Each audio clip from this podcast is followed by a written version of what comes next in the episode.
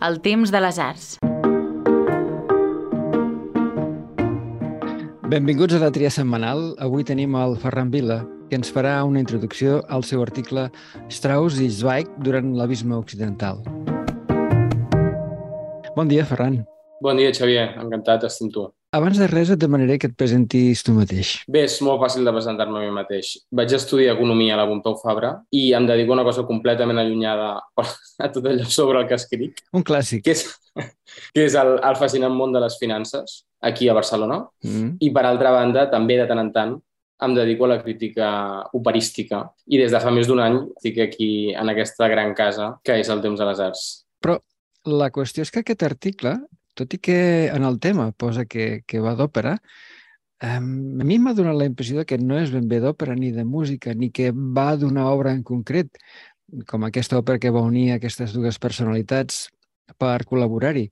Què té de transcendent aquesta correspondència entre aquestes dues persones? Bé, de fet, segurament si a ells se'ls hagués deixat preguntar, Strauss i Zweig, haguessin triat una cosa absolutament intrascendent, o no, depèn de com es miri, que és una, una correspondència usual entre un operista i el seu llibretista i tot el que això pugui tenir d'interessant.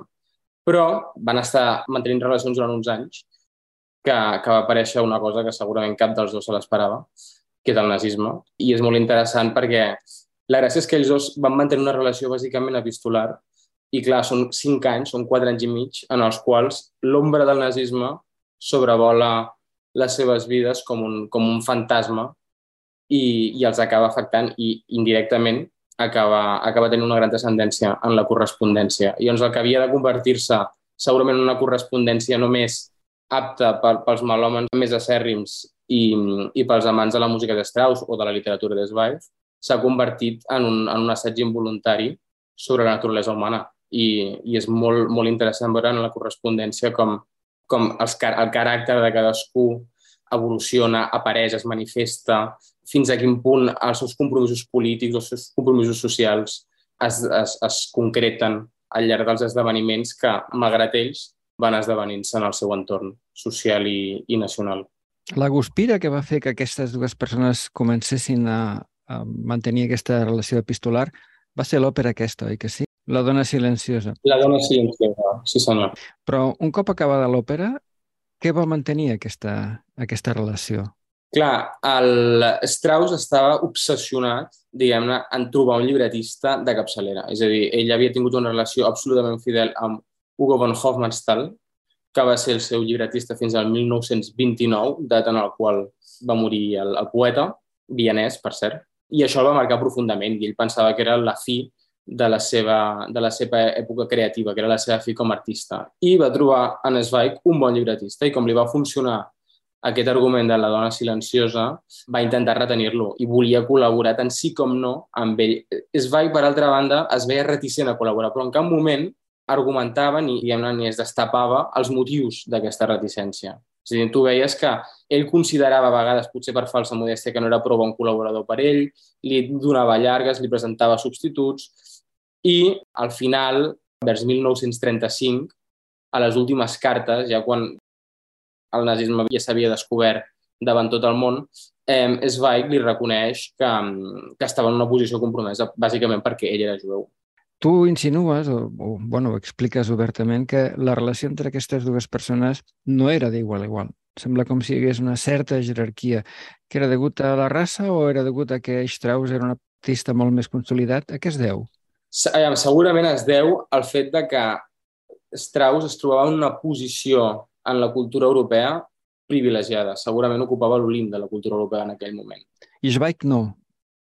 Zweig tenia popularitat, era sens dubte un escriptor popular, però eh, hi ha un sentiment d'inferioritat evident quan llegeixes la correspondència. I això és molt graciós perquè i a nivell estilístic és molt fàcil copsar-ho per les formes que utilitza Zweig. Potser era, era el seu tarannà, és a dir, Zweig és veritat que era un home que tendien, diguem-ne, no, el, per això l'article no, no, en cap moment s'insinua que fos un, un llepa, però sí que era un, un home que tendia a complimentar, a caure bé. Strauss era d'un altre, altre tarannà, no tenia res a veure amb el seu caràcter. Quina és la, la relació entre el mateix Strauss i la seva obra durant aquest període? Doncs la correspondència és, és un magnífic document per poder trobar en l'entrellat, perquè la gràcia de Strauss i, i el seu caràcter tenia molts grisos, és a dir, com segurament totes les persones brillants, era una persona de clarobscurs i, i contradictòria en molts casos, però a diferència de, diguem-ne, del prototípic, del prototípic artista de finals del romanticisme i, i postromàntic, eh, que, és, que és fàcil que s'identifiqui a si mateix amb la figura del geni, del Demiurg, Strauss era absolutament diferent a tot això.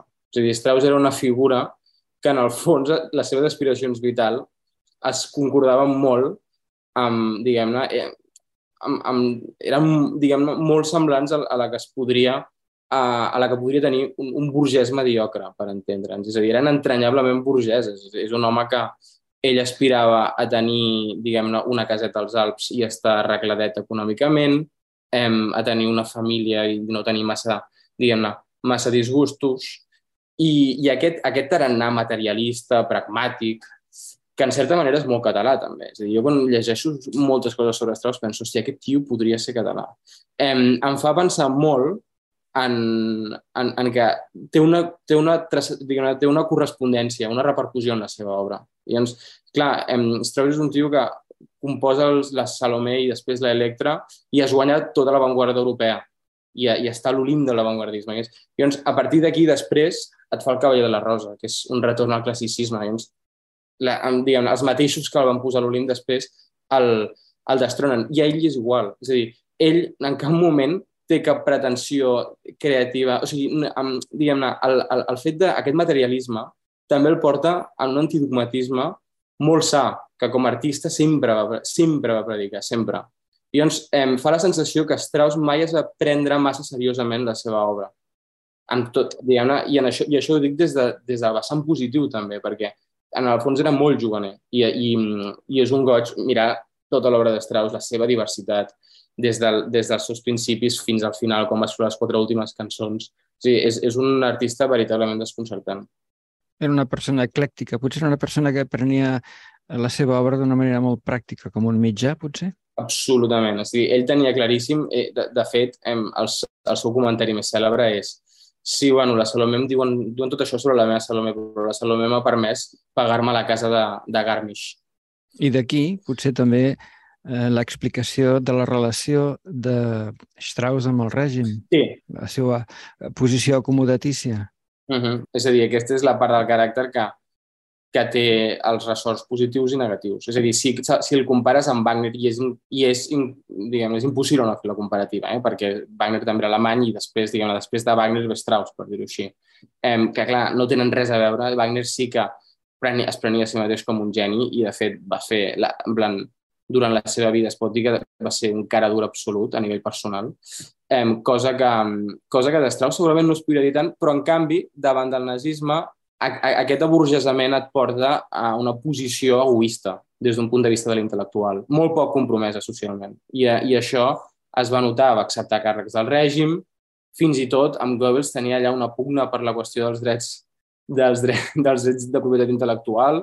Ah, no, evidentment, ell, quan, quan va arribar el moment, diguem-ne, pensa que eh, estem parlant d'un tio que va veure com el seu teatre d'òpera, d'òpera de Munic, quedava en runes per les bombes, va morir el 49 eh, molt fastiguejat de la vida, trist, és a dir, um, evidentment, si hagués pogut tirar enrere, jo crec que hagués, hagués canviat certes coses, però la seva posició respecte a l'ascens del nazisme és clarament acomodatícia, que és com és l'adjectiu més adequat que, que se li pot donar i és el que he utilitzat a l'article perquè és que no se m'acut un de millor. Es pot pensar que potser és mullar-se poc utilitzar-lo, però és que crec que és l'adequat. Parlant de Zweig, com va ser la seva posició?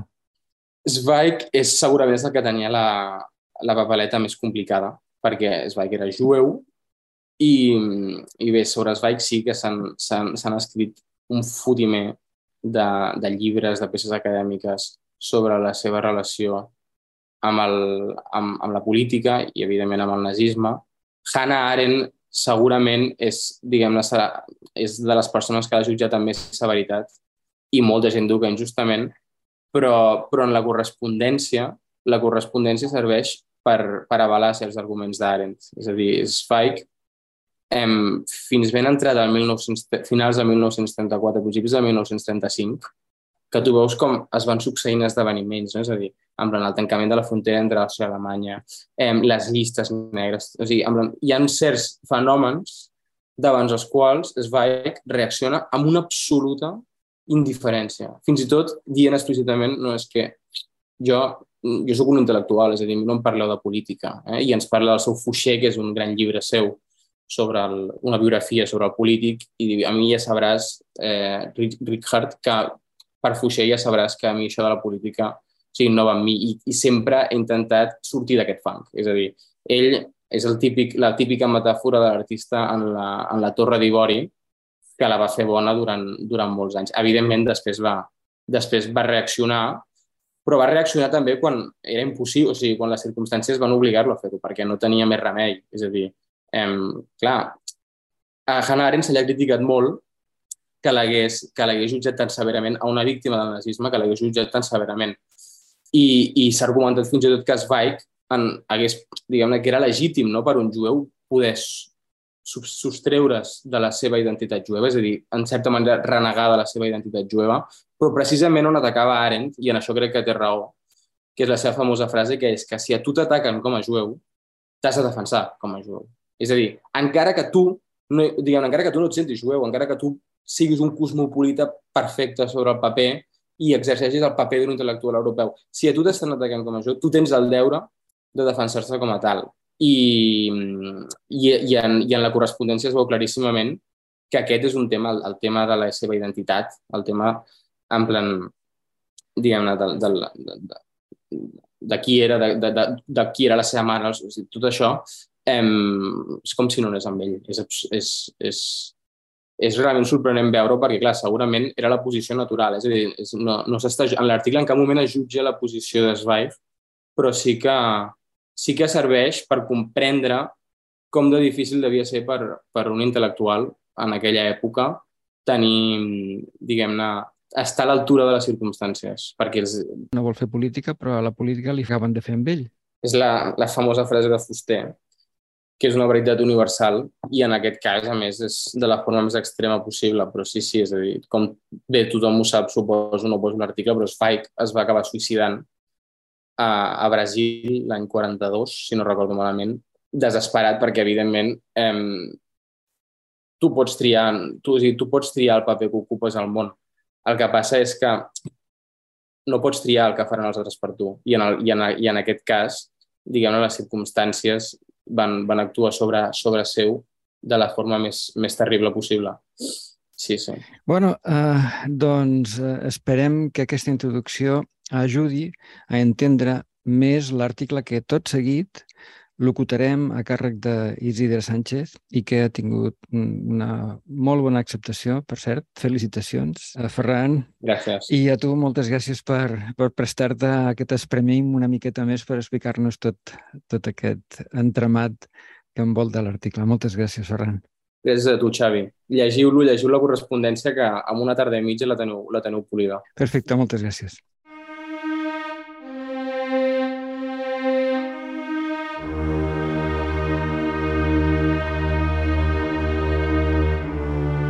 Strauss i Zweig davant l'abisme occidental. El gran atractiu d'aquesta correspondència rau en una qüestió molt més universal.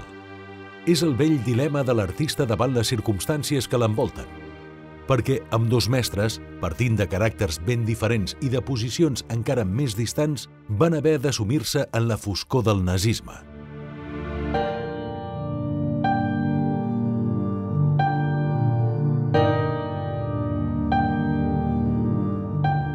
havia de ser l'òpera, naturalment, allò que unís el músic amb l'home de lletres.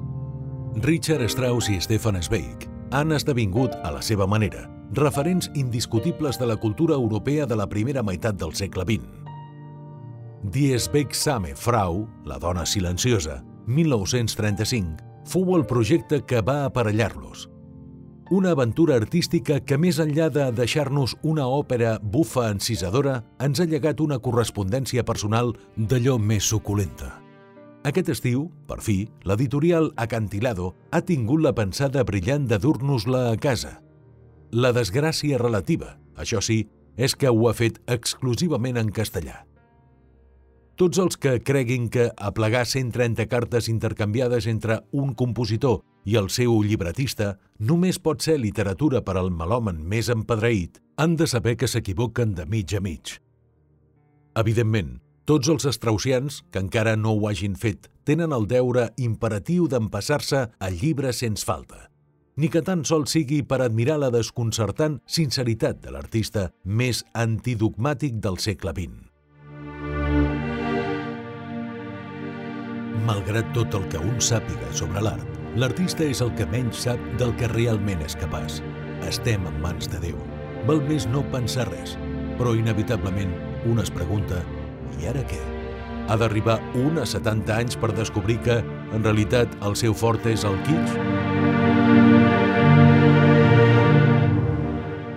Més enllà d'això, el gran atractiu d'aquesta correspondència rau en una qüestió molt més universal – és el vell dilema de l'artista davant les circumstàncies que l'envolten. Perquè amb dos mestres, partint de caràcters ben diferents i de posicions encara més distants, van haver d'assumir-se en la foscor del nazisme. Fa gràcia veure com tan sols a partir de l'estil és fàcil endevinar-hi una certa jerarquia entre els dos autors. Strauss gasta un to directe, executiu, sense floritures i sempre des d'una sinceritat inapel·lable. Zweig sobretot en les primeres cartes, es prodiguen el registre epistolar més embafador. Frases aduladores, agraïdes, d'una cortesia carregada. Sap perfectament que s'està adreçant al compositor viu més famós d'Alemanya. Crec que el seu temps és el més preciós d'Alemanya. La llàstima és que massa sovint aquest estil el condemna a sentències poc comprometedores, excessivament epidèrmiques, Tampoc vull que amb això us endugueu una impressió equivocada. Dubto molt que el nostre escriptor caigués mai en la falsedat o en la hipocresia. A més, llegir certes descripcions literàries i consideracions artístiques en la prosa luxosa de Zweig és un plaer inqüestionable, encara que es tracti de la seva correspondència privada. Carta rere carta, a mesura que passen els anys, emergeix nítidament el trennar de cada un. Davant l'ascens del nazisme, Richard Strauss compleix a la perfecció el paper de l'artista acomodatici. Accepta sense massa compliments la presidència de la Cambra de Música del Reich per fer coses de profit i evitar alguna desgràcia. Es prem la relació amb Goebbels fins que ja no pot oferir-li cap benefici artístic o personal. Amb el temps, quan els esdeveniments el desgasten perquè li compliquen la vida, perquè les coses no li surten com volia, el nostre compositor no pot amagar algun rampell despòtic. L'estrena de l'òpera se li embolica perquè el règim nazi es resisteix a permetre una obra d'un llibretista jueu. La Gestapo intercepta la correspondència, però la tossuderia de Strauss és més forta. Zweig és l'únic llibretista que vol. Al final, el mateix escriptor acaba expressant-li dubtes de continuar col·laborant artísticament degut a la situació política. Strauss es desespera. Aquesta tossuderia jueva és com per fer-se antisemita. Quant orgull de raça i solidaritat. Per mi només hi ha dues categories de persones, les que tenen talent i les que no en tenen. Li etziba en unes paraules d'una fredor lacerant, d'aquelles que hom devia poder permetre's abans de l'Holocaust. Arturo Toscanini digué un dia «Em trec el barret davant l'obra de Richard Strauss, però me'l torno a posar davant l'home». A Stefan Zweig, com bé sabem, tot això havia de portar-lo a la tragèdia més absoluta. L'autor del món d'ahir assisteix als primers estralls del nazisme des del seu turonet de Salzburg com en una torre d'ivori. És veritablement sorprenent advertir fins a quin punt aquest jueu vienès va obstinar-se a fer veure que tot allò no anava amb ell. La política m'ha fastiguejat des de sempre i em resisteixo amb totes les meves forces a deixar-me arrossegar per força al joc d'altres persones. Escriu Strauss a la tardor de 1933. Finalment, Zweig va reaccionar quan les circumstàncies van obligar-lo a prendre partit. Pocs anys després, validaria en la seva pròpia pell, de la manera més cruel, fins a quin punt és cert allò que la política o la fas o te la fan. Llegint algunes cartes, es fa impossible no pensar en l'amarg retret de Hannah Arendt, quan va assenyalar la incapacitat del mestre per conjugar les lletres de la paraula jueu.